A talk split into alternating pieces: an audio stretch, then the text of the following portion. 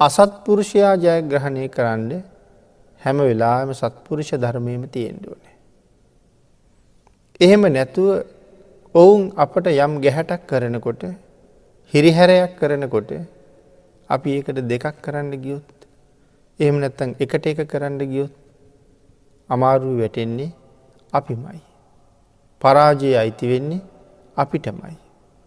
එනිසා භාග්‍යතුන් වහස දේශනා කළේ හැම වෙලාවෙම ඔවුන් දිනන්ඩ අපි සත්පුරුෂයන්ම වෙන්ට. මොකද මේ එකට එක කරනවා කියන එක කවදාවත් ඉවර වෙන්නේ නැති වැඩ. ඔවුන් එකක් කරනකොට අපිත් එකක් කරනවා. එතකොට ඒ අය තවත් එකක් කරනවා. ඒක දිනන්ඩ අපි දෙකක් කරනවා. අනික් අය තුනක් කරනවා. මේක නවතින්නේ නවතින්නේ නැතුව යනවා.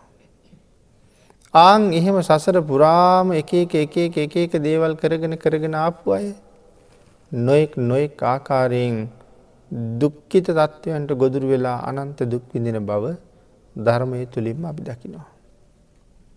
එදා එහෙම සත්පුරුෂ ධර්මයක් ක්‍රියාත්මක නූන නිසා මේ කාලි කියන යක්ෂණය පිළිබඳවත් අපි අහලතියෙනවා.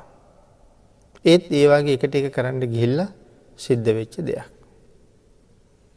ඉතින් ඒවාගේ කරුණු ධර්මය තව පැහැදිලි කරනවා. නමුත් මෙතන සඳහන් කළේ සත්පුරුෂයන් අසත්පුරුෂයන් දිනන්ඩ නම් අපි සත්පුරුෂ වෙන්ඩම ඕන කියලා. ඒකට අපේ බෝසතාණන් වහන්සේගේ චරිතයෙන් ඕන තරන් උදාහරණ අපිට හොයාගණ්ඩ පුළුවන්. එක තැනක සඳහන් කරනවා මේ සීලව රාජ චරිතය. අපි බෝසතාණන් වහන්ස ගැනමයි කියන්නේ.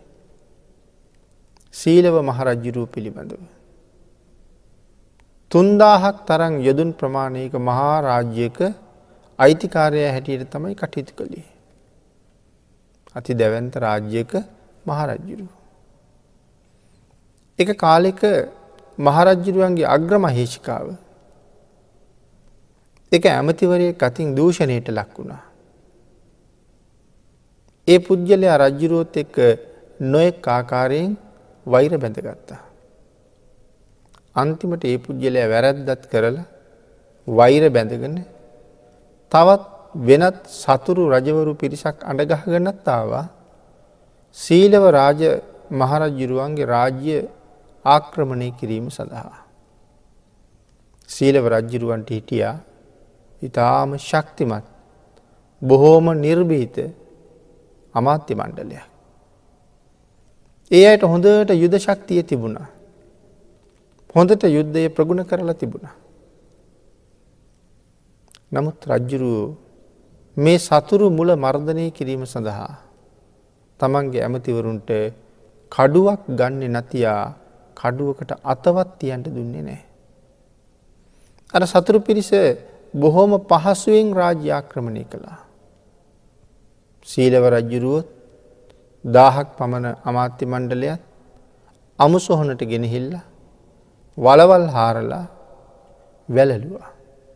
ඔළුව විතරක් උඩට තියෙන්ට සම්පූර්ණ ඇඟ වලලා මේගොලු රාජ්‍යත් පත් කරගත්තා. රාත්‍රයේ පිනතින රාත්‍රයේ හිවලු ඇවිල්ලා මේ සීලව රජ්ජුරුවන්ගේ වල වටයටම හැරුවා. දෙවියන්ගේ දේවතානු භාවයක්ත් එක්ක මේ මෛත්‍රී ගුණයෙන් පොහොසත් වෙච්ච ඉතාම සත්පුරුෂ වෙච්ච සීලව මහරජ්ජුරුව වලින් ගොඩාවා. වලින් ගොඩට ඇවිල්ලා තමන්ගේ දාහක් අමාත්‍ය මණ්ඩලේ සියලු දෙනාම ගොඩ ගත්තා. ඇමතිවරුත් එක්කම මාලිගාවට ගියා. මාලිගාවට ගිහිල්ල බලහම අර සස්තුරු රජවරු තමන්ගේ සිරියහනි සැතපිලා.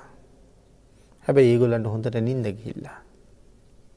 මරණවනන් මේ සියලු දෙනා යුද්ධයක් නැතිවම මරලදාන්ඩ අවස්ථාව තිබුණා. නමුත් සීලව රජ්ජුරු ඒ රජවරුන්ට කතා කරලා මිත්‍රත්වයක් ගොඩනගා ගත්තා. කිසිම අවස්ථාවක දේශ සහගත සිතක් උපදව ගත්තිනේ. අං එහෙම උන නිසා පරලොවට අකුසල් රැස් කරගත්තෙත් නෑ මෙලවට අලුත් සතුරන් පෝෂණය කරගත්තෙත් නෑ. එතකොට භාගිතුන් වහසගේ උපදේශය හැම වෙලාම අසත් පුරුෂයා දිනන්ඩ සත්පුරුෂයෙක්ම වෙන්ට.